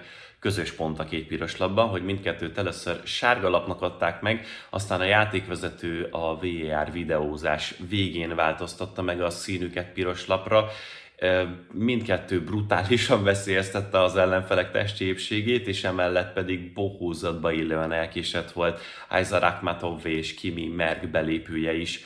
Én azzal dobnám vissza nektek a labdát, és az a felvetésem, hogy nyilván nem ez volt az első alkalom, de én önmagamtól nem tudok felidézni egy másik olyan meccset, ami nagy nemzetközi futballtornán esett, és valaki ennyire korán kettős ember hátrányba került volna. Nektek, valamelyik őtöknek csuklóból van egy ilyen emléke. Szerb-szlovén. De hát nem volt kettős ember hátrány szerint. Csak egyes volt? Csak egyes volt, és az is 3-0 után. Azt pont emlegettem valakinek, de azon, minek a kapcsán merült fel benne az a történet, de az a kézilabda kapcsán szerintem talán mindegy a másik. Hát kettős ember hátrányra egyébként én sem emlékszem. Em, arra emlékszem, hogy egyszer volt egy olyan Olyat tudnánk inkább mondani, ahol kellett volna igen, Hartmann játékvezető tevékenykedése mellett, amikor négy embert állított ki az MTK-ból még a 90-es években. De Edeferinek volt valamilyen meccsen, félbe is szakadt, hogy Újpest Dunafer talán. elfogyott valamelyik csapat? Vagy, Uh, vagy meg, mi? nem, az meg elkezdtek dobálni a nézőtérre, valami- ott is Ö, volt több piros lap. nem? Vagy ez nem, nem az nem, volt? azt hiszem, Ja, az ott beton volt inkább. igen, igen, igen, igen valami ilyesmi dereg most így hirtelenjében. Hát ott meg ott az, egyszer azt hiszem az asszisztensét találták el. Na mindegy. Azon, Szóval- azt, a, most azt nézem közben, de ott meg nem volt kettős ember egyben a Bayern, mert hogy volt két kieltes, ugye pont idén ezen a 8 0 Darmstadt mérkőzésen. Ott már volt egy ember hátránya a Bayernnek, aztán az fordult, Kimiket kiállították a legelején egy lerántás, azt hiszem. és a fél idő végére az már ember előny volt, mert ugye volt két piros ott a Darmstadtban, de az se, az se ilyen sztori. Szóval igen, nem, nem, nem, nem tudok én is egy Hát egyébként a mondani. VAR ebben azért tud segíteni, hogy, hogy ezek a sárgalapok pirossá persze. változzanak. Azt hiszem, hogy egy holland-portugál mérkőzés volt, Ó, talán ilyen lap... VB, az, az is Igen, 2006. igen. lapcsúcs ö, kapcsán, ahol, ahol azért lehet, hogy videózás után ö, ö, a piros lap is Az előkerült hogy volna van? Hú, tényleg, többször. várj, ezt lehet, hogy az, gyorsan. Hát a, a fiataloknak még a figyelmébe ajánlom a Reikard Föller ö, Ó, igen, 88. párharcot, Köpő, köpő párbajt. ami hát mai szemmel megint csak eléggé megmosolyogtató, hogy, hogy akkor ezek egy várándítással, vagy majdnem egy és- várándítással el lettek intézve. Ugye az a durva, hogy most már van ilyen a szabálykönyvben, sőt a büntetési tételek között is, hogy köpés. Akkor még nem feltétlenül Igen, igen, szerepelt ez. Úgyhogy mo- most... Úttörő volt ebből a szempontból is igen, Rijkaard. igen, igen. Tehát ugye például, amikor a Premier League-ben nézi az ember, hogy miért mondjuk erőszakos cselekedetért, meg, meg két sárgalapért, meg egyébért mennyi eltiltás jár, van egy ilyen, hogy azt hiszem hat meccs köpésért. Szép. Hát, ha már Premier League szóba került, akkor menjünk ebbe az irányba. Már csak Egy is, eltiltott játékos? Akár, de ez a, eleve ez a furcsa fordul, amit ugye itt két hét alatt bonyolítottak, azért hozott érdekességeket. Bőven meg egyáltalán ez a hétvége is. Emlékezetes mérkőzéseket fogalmazhatunk így is. Hát hozott sok érdekességet. Szerintem egyrészt nekem Tony volt a legnagyobb király is, meg, meg a legnagyobb attrakció Nem is. Jakovics hanem Ivan Tony. hát a, a magyar Tónit is szívesen melyik, láttam a melyik pályán. részére gondolsz Toninál? Hát a, a, a leginkább arra A egyébként. hab arrébb pakolásra? a hab arrébb pakolásra, meg a labda arrébb pakolásra, és utána a magyarázatra. Az úgy megvan, hogy, hogy Nem, mit azt nem mondott a meccs után? Azt mondta, hogy ő úgy tudta, hogy a szabályban az van, hogy egy yardot lehet mozdítani a labdán. És ezt, ezt, hogy, ezt olvastad, Ivan? Még soha életemben nem hallottam erről. És ezt mondta egyébként Nuno Espirito Egész Santo is. yardot. Hogy igen, hogy, hogy ő nem hallott erről a yardnyi mozgatási szabályról. Ugye, hogyha valaki esetleg nem látta, Ivan Toni úgy tért vissza, hogy egy szabadrugás gólt szerzett 25. perc, azt hiszem a, az elkövetés időpontja. Már fölállította Turner a sorfalat, majd ő a szöget egy kicsit átállítva, hát mennyit egy fél métert mozgatott a labdán, kettő vagy három alkalommal egy kicsit tolva rajta, úgyhogy még a habot is áthelyezte, tehát hogy Hát az volt először, a habot rakták Igen. először, hogy ne legyen, és tényleg, hát ezzel megetetett mindenkit gyakorlatilag. Hozzáteszem, hogy ugye azóta a Nottingham Forest tiltakozott a játékvezetői testületnél, illetve a Premier League-nél is. Én azt hiszem, hogy a, az alapvető hibát ott a sorfal tagjai követték el, mert hogyha ott akkor reklamálnak, és oda mutatnak, hogy figyeljenek, nézzék már, hogy mi történt, akkor, akkor ott azonnal közbe tudott volna avatkozni a Csak az játékvezető. érdekes, hogy ugye a varnak nem kellett volna közbeavatkozni a szempontból, hogy egy gól történt, Igen, gólhoz vezető. Igen. Hát ez egy nagyon-nagyon érdekes határterület, mert ugye... De gondolom, nincsen Nincs erre szabály. Az, így van a szabálykönyvben ezzel kapcsolatban semmi. Igen. Hogy mi van akkor, hogy odébb teszed a habot? Ezzel együtt azért abban szerintem megegyezhetünk, hogy ez egy sportszerűtlen cselekedet Há, persze, volt. persze. Tehát minimum, Csibész. minimum, Hát, vagy mondjuk, mondjuk úgy, hogy aki csaló, az, az is marad, Hát, tehát nem. most ez... Ja. Szerintem nem. Jó, gyerekek, nagyon azért, messzire megy. Szerintem azért ez így necces, tehát, Jó, hogy a magyarázattal együtt különösen, tehát hogy azt mondja, hogy ő úgy tudta, hogy ez, az, az szerintem egy... Ezt tudod mi? Mesehabban. az.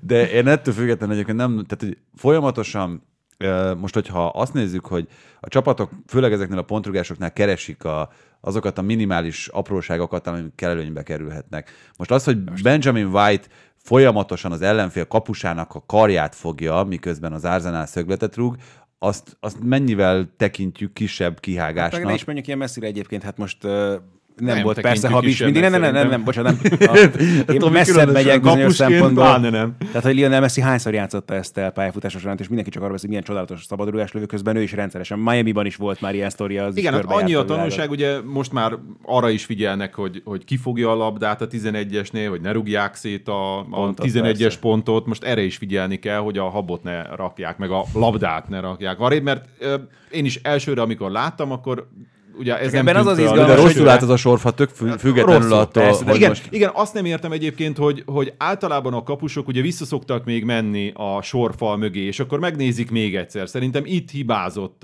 a kapus, hogy, hogy ott vissza kellett volna menni, és akkor szerintem azt látni kellett volna, hogy, hogy nagyon rossz helyen áll. Tehát De meg, de meg, érted, az hogyan, tehát én nekem az volt az első, ami feltűnő, hogy fektetett embert a sorfal mögé törnel, hogy hogy a fenébe tudja ott úgy elrúgni Tóni, még a labda elmozgatása, most oké, okay, 30-40-50 centivel, persze más a szög azonnal, de eleve biztosít a kapus, nem? Tehát, hogy nem közvetlenül a kapufára állítja röviden, Hát, hanem igen, egyel igen, tovább. Egy picit, igen, igen, picit túl. Tehát itt, itt meg abszolút a kapufán egy emberrel beljebb volt, tehát, tehát nagyon rosszul volt felállítva a sorfal.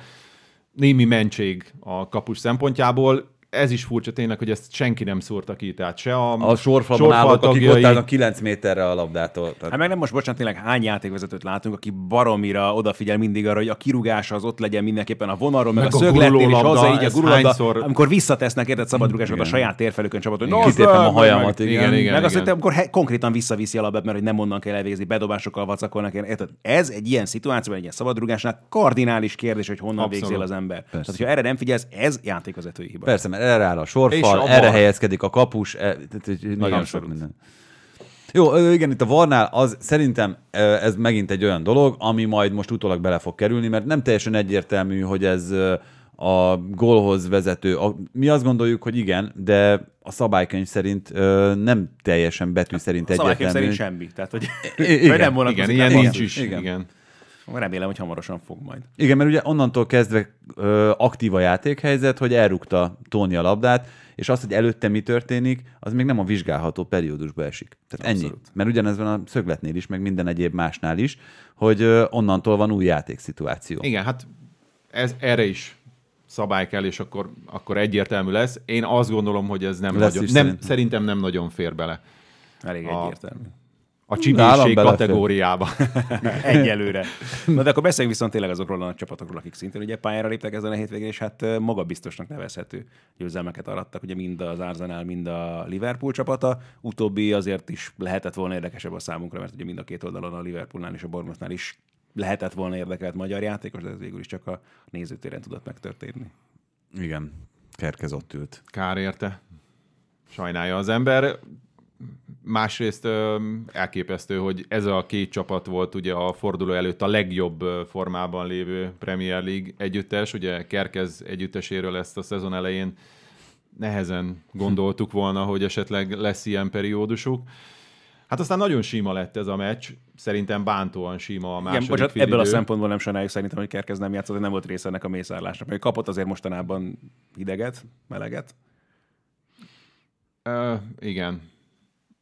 Nem tudjuk, hogy hogy alakult volna a mérkőzés. Az biztos, hogy ez a Liverpool még így is borzasztóan erős, hogy egy, hát majdnem egy csapatra való hiányzója Ajaj. volt még így is. Minden gólt onnan kaptak egyébként, csak úgy halkan jegyzem meg. Mármint, hogy Igen. baloldalról, a Bormus baloldaláról. Úgyhogy hiányzott Kerkez, na, ez ilyen egyszerű akkor. Hát persze. Hát nehéz, nehéz megmondani, mert ugye, ha jól rémlik, akkor az augusztusi meccsen ott volt, és ott azért voltak nehézségei azon a találkozón. Ott vezetés szerzett a Bormus. Hát igen, de azért túl sokáig nem tartott. Hát a Liverpool nagyon erős, tehát így is nagyon erős. Szerintem óriási előny Jürgen Klopp csapatának, hogy Darwin Nunez, mint hogyha fejben összekapta volna magát, és, és nem erőből, hanem nagyon okosan oldja meg a kínálkozó lehetőségeit. Nekem eddig sem volt bajom egyébként Nunezzel, szerintem inkább tényleg csak a bal szerencsére fogható, hogy, hogy eddig azért, főleg itt az előző 16 meccsen ez az egy gól az tűnt kevésnek az 50 lövésből, meg a 6,2-es ö, XG-re az egy gól, de szerintem az egészen döbbenetes itt ezen a tegnapi meccsen az volt, amit itt a közvetítésben is mondtam, meg próbáltam kiemelni, hogy én nem emlékszem olyanra, hogy valamelyik nagy csapatnál előfordult volna az, hogy egy egyébként nagyon fontos bajnoki mérkőzésen a bajnokság 21. fordulójában megeshet, hogy négy debütánsod van. Hm. Ami egészen elképesztő. Ugye Conor Bradley kezdőként debütált, Clark ugyan játszott már az előző szezonban, de a mostani Premier League szezonban ezen a meccsen mutatkozott be, Beck, aki ugye kölcsönből tért vissza, és nyilván ők nem az, abba a kategóriába tartoznak, akikkel Klopp elképzeli ezt a szezont most még, de arra szerintem ez egy nagyon jó opció, hogy itt most már visszatérőben van Robertson, visszatérőben van Alexander Arnold, visszatérőben van Szoboszlai Dominik, hogy ilyen csapattal, ilyen fiatalokkal, ilyen körülmények között, mert szerintem a, a botrány volt ez a meccs, ami, amilyen hm. állapotokban, meg körülmények között játszották. Tehát olyan viharos szél volt, talán egyébként a közvetítésben nem látszottak be azok a képek, amiket főleg meccs előtt rögzítettek, meg ezek a drónos felvételek, hogy, hogy a, a fák azok ilyen 60 fokban álltak ott a, a stadion mellett, meg ahogy süvített a szél bent. Az elején mutatták, hogy jöttek be a gyerekek fogni ezeket, senki nem tudta megfogni a zászlót, mert olyan, olyan erőteljes szél volt, hogy, hogy nem lehetett vele semmit csinálni, végig szakadt az eső.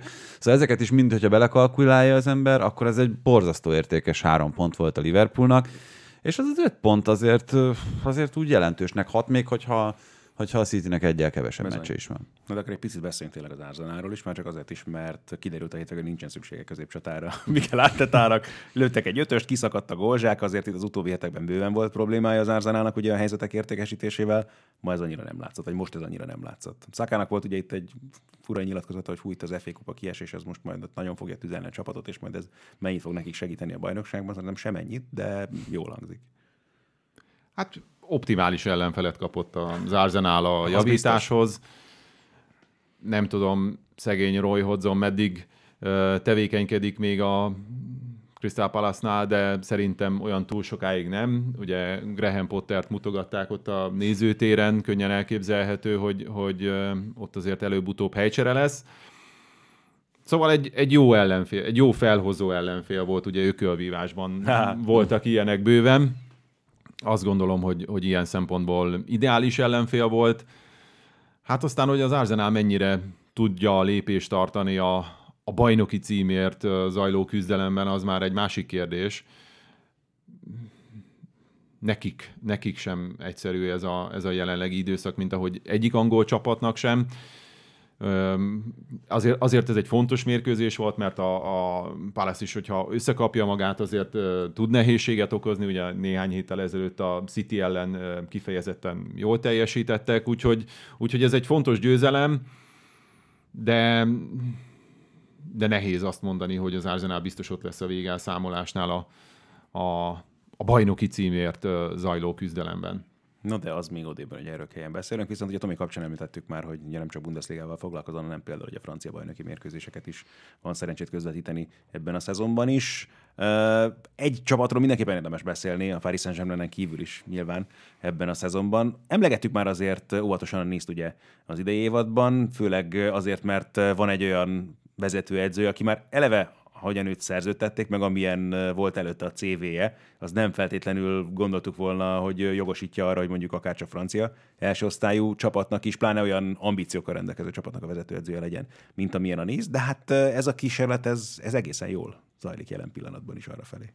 Igen, hát Francesco Fariolival nagyon merészet húzott a Nice együttese, és úgy tűnik, hogy ez beválik, legalábbis a, a védekezés az egészen káprázatos és egészen tökéletes. Ugye sorban nyerték a mérkőzéseket 1-0-ra, ami egészen elképesztő. Ja, de bocsánat, itt ezt tegyük hozzá, hogy Farioli Dezerbi segítője volt, Igen. aki meg egyébként nem a védőjáték hát, hát, apostola. Hát, hát, Dezerbi mellett ugye kapusedző kapus volt. Igen, volt. igen, bocsánat, igen. Hát tehát, segítő, tehát így, igen. De aztán ugye így összerakni a védekezést igen. azért szerintem könnyebb. Ugye Bolkának volt egy két 11-est védőmérkőzése is a Monaco ellen, ahol Balogun mind a kettőt kihagyta. Ez itt lovaka. és... Uh... Bocsánat. Fiatalabbak biztos nem tudják. szóval, um, tehát a védekezés az nagyon jól össze van rakva. Egyébként azért nehezen fogyasztható a NIS uh, játéka, mert, mert hát tényleg erre voltak ráállva nagyon hosszú időn keresztül, ugye hosszú heteken keresztül nem kapott gólt, a NIS a bajnokságban, és egy-egy gólokkal azért sikerült megnyerni a meccseket. De hát ez az olasz edzők előretörését jelzi szerintem ebből a szempontból is, hogy azért a francia bajnokságban a dobogóért küzdő csapatok közül az egyiknél egy olasz edző tevékenykedik, nem is rosszul. Hát a támadó játékon kellene erősíteni, tehát azért az nem fér bele, hogy, hogy folyamatosan egy-egy gólt tudjon csak szerezni egy élcsapat. Ennél, ennél azért erősebb támadó játékra lenne szükség. De egyébként rendben van a NISZ és szépen építkeznek. A Paris Saint-Germain idén nem lehet megszorítani, ez szerintem teljesen egyértelmű, de hát náluk azért az utóbbi években is, még ha becsúszott a bajnokságban, ugye a Baki a Monaco vagy a Lille ellen, akkor is a bajnokok ligája lesz az igazán értékmérő, hogy ott mit tudnak produkálni. Itt a kapcsán még szerintem ami érdekes az az, hogy Redcliffe igen, hogy vajon a fókusz az mennyire helyeződik át Manchesterbe innentől Hát, kezdve? vagy mennyire lesz, nem tudom, a- amennyire a Girona ugye a City Group része, mennyire lesz a Nice mondjuk a United Groupnak. Szerintem a francia bajnokságnak nagyon jól állt az évekkel ezelőtt hangsúlyozott tehetségek ligája szlogen. Tehát körülbelül ez az, amire a francia bajnokság képes. Tehát nem tudják hosszú távon megtartani az értékeiket, vagy ha meg tudják, akkor azt olyan bonyodalmak és folyamatos nehézségek árán, mint ahogy Mbappé marad vagy nem marad, mert ugye most megint belengedték, hogy esetleg mégiscsak maradna, de elsősorban azért ezt tudja a francia bajnokság. Tehát elképesztő mennyiségű tehetséges játékost produkálnak a... Hát igen, gyakorlatilag, és, és aztán azokat, azokat továbbadják, hol jó pénzért, hol kevésbé jó pénzért, de erre erre képes a francia bajnokság. Tehát ők is tudják, hogy, hogy a Paris Saint-Germain alatti klubok, és hát mindenki alatta van pénzügyileg, az nem tudja megtartani hosszabb távon az értékeiket. Hogyha egy-két szezont valaki végigjátszik a francia bajnokságban, akkor utána már, és van benne tehetség, akkor, akkor nagyon nehéz őket ott tartani. Viszont ez nagyon érdekes dolog, meg ez a vonulat, amit ugye megemlítettél, abból a szempontból is izgalmas, meg releváns jelen pillanatban. Ugye volt egy, hát fiatal tehetségnek már nehezen nevezhető futballistának egy nagyon érdekes kijelentése, nem is olyan régen a francia bajnoksággal kapcsolatban, meg inkább a Szaudi ligával kapcsolatban, amelyet meg hát ö, azért a tehetségek bajnokságának még feltétlenül nem biztos, hogy nevezhetünk, bár ugye azért fiatal játékosok is, fiatalabb játékosok is érkeztek már ebben a szezonban arra felé, egy némelyik csapathoz, de azért inkább az a jellemző egyelőre, ugye, hogy idősebb, a pályafutásuk zenitjén már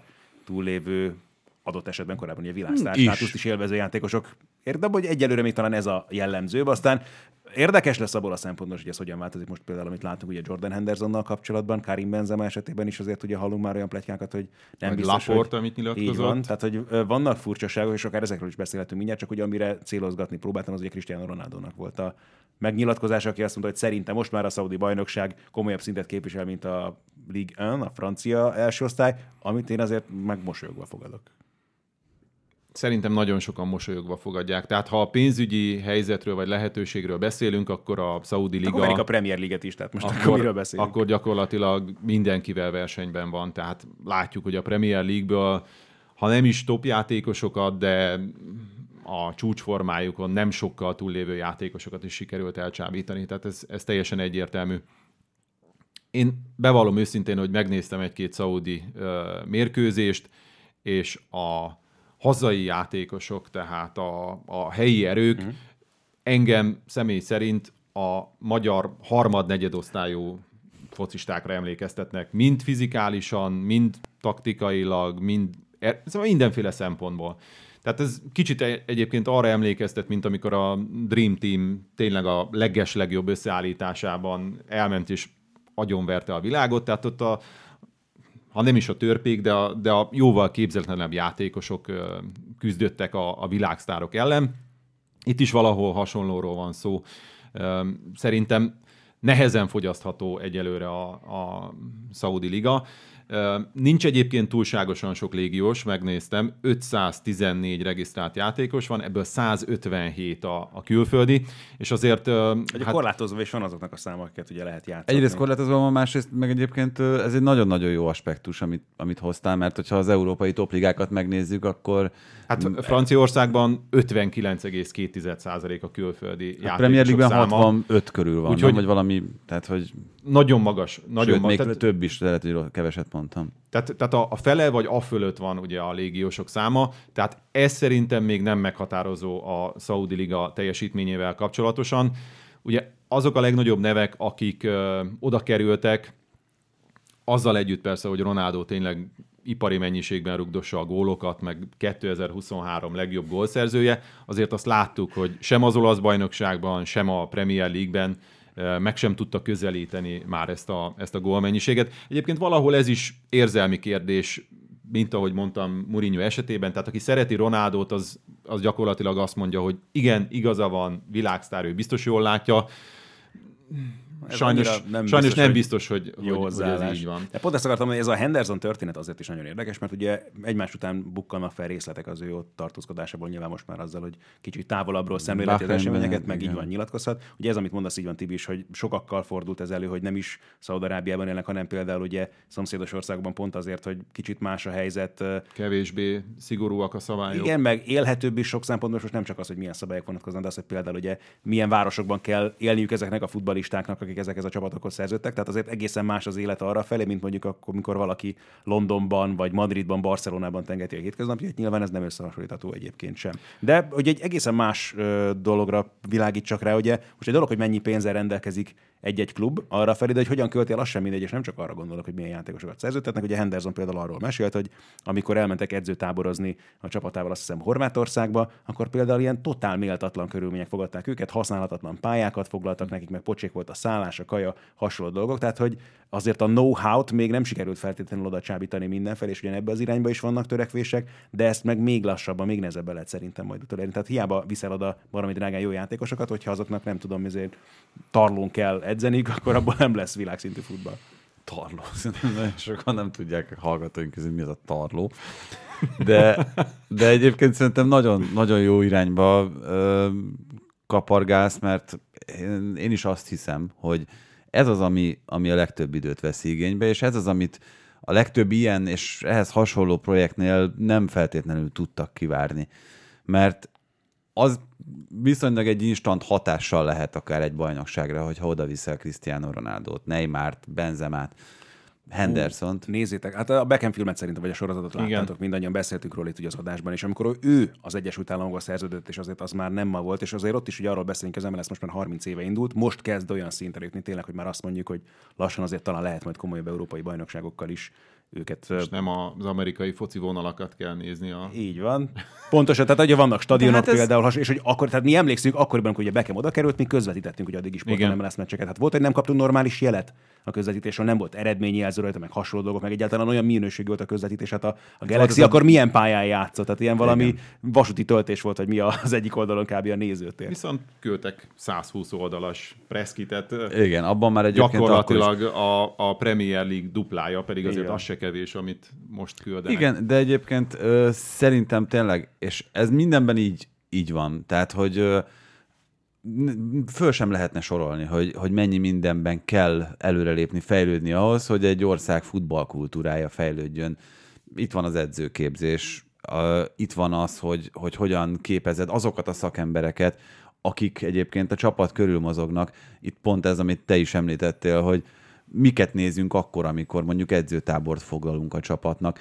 És azért ebben szerintem nincsen annyi képzett szakember egész Európában sem, hogy azt mondod, hogy akkor fogok belőlük 30-at, és akkor oda viszem mm. őket, és mindegyik csapatnál lesz néhány olyan, aki ezt tudja. És akkor, amikor arról beszélünk, hogy, hogy mekkora stábokkal dolgoznak az európai nagyklubok, és ez a cél, tehát hogy nem az, hogy akkor most teljesen a nulláról kezdjünk el építkezni, de, de egy, egy Milánnál, egy Manchester Unitednél, egy Real Madridnál több száz fős stáboknak az összehangolt munkája eredményezi. Ennyi embert az egyik pillanatról a másikra nem tudsz leakasztani, le tudsz akasztani néhányat, akik tudják edukálni azokat, akik ott vannak, de ennek a kifutása, hát az minimum 3, 4, 5, 6 év, És akkor keveset mondtál szerintem. igen, És és, akkor, és akkor nagyon csapatnál. gyorsan tanulnak. Akkor nagyon gyorsan Tehát tanulnak. 18 csapatnál ez Tehát lehet ebből valami, én csak azt akarom ezzel mondani, de iszonyatosan hosszú idő és nagyon sok türelem szükséges ahhoz, hogy ebből föl lehessen építeni valamit. Hogyha valaki azt gondolja, és szerintem itt téved óriásit Cristiano Ronaldo, hogyha valaki azt gondolja, hogy ez egyik évről a másikra működik úgy, hogy én beteszek az asztalra egy, egy pár táskányi pénzt, és akkor próbálom oda édesgetni a szakembereket, az még szerintem a teljes kultúra megváltoztatásához és a szint azonnali fölemeléséhez kevés. Lesznek olyan aspektusai a játéknak, amiben tud fejlődni, amiben ez meglátszik, lehet, hogy ott lesznek majd a legszebb megmozdulások idővel, mert ott lesz a legtöbb sarokkal szerzett gól, vagy nem tudom, de ez még a liga általános színvonalát nem emeli ugyanoda, ahol jelen pillanatban a Ligan vagy, vagy a portugál első osztály van. Az jutott eszembe egyébként, megnéztem egy, azt hiszem pont a legutóbbi mérkőzését Ronaldo csapatának, és itt volt egy fejes gólja, ami azért nem emlékeztetett a Sampdoria elleni ja, felhőfejesére, ami Michael Jordan 52, vagy valami ilyesmi magasról sikerült elfejelni.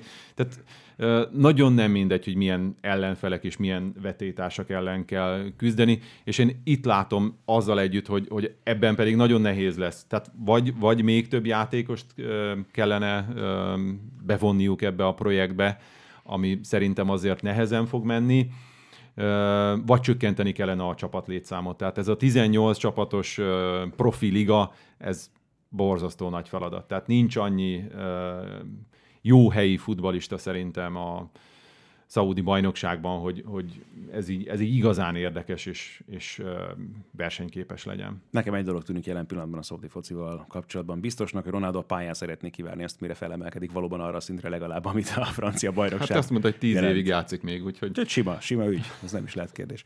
Én nagyon bízom, hogy nem kell tíz évet várnunk arra, hogy Tomival újra beszélgessünk, meg új stúdióba sem kell költöznünk addig, hogy ismét vendégül lássunk. Nagyon szépen köszönjük, hogy itt voltál velünk. És... Köszönöm szépen bízunk benne, hogy akkor valóban hamarosan hasonlóan izgalmasat, tartalmasat, jó pofát tudunk beszélgetni, mint most. Nektek meg azt köszönjük, hogy meghallgatatok minket. Ezen a héten is természetesen, hát Fantasy Premier League-el mindenképpen fogunk foglalkozni majd ugye itt ezen a héten is extra adásban, mert hogy zajlanak az izgalmak, meg sok fontos kérdésre kell választ adnunk itt majd a következő fordulót megelőzően és ugye egyéb extra tartalmakkal is már ta- találkozhatatok ugye a múlt héten is, nem is tudom, hogy adásban beszéltünk-e, ugye például... A kiszemeltről még nem. Így van, a kiszemeltről. Úgyhogy Ivan Tony. Így van, ajánljuk figyelmetekbe, akinek a bemutatkozása nem süt el rosszul.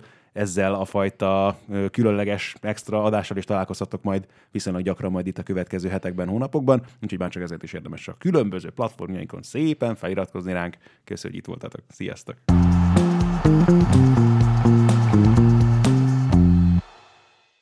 Ha más podcastekre is kíváncsi vagy, hallgassd meg a Béton műsor ajánlóját. El tudod képzelni, hogy a podcastet, amit éppen most hallgattál, fél év múlva már a mesterséges intelligencia generálja? Mi sem. De ha érdekel, eljött már a gépek lázadása. Hallgass bele az Embertelen podcastbe. Orsós Lajos vagyok, a műsor házigazdája. Egyelőre még élőben. Egyelőre. Fedezzük fel együtt, hogyan ismerkedik, randizik, mesél és vitatkozik Betty és Péter, két teljesen mesterséges intelligencia. Lajos, a podcast címét mond még egyszer, Léci. Oké. Okay. Embertelen podcast. Ez a műsor a Béton közösség tagja.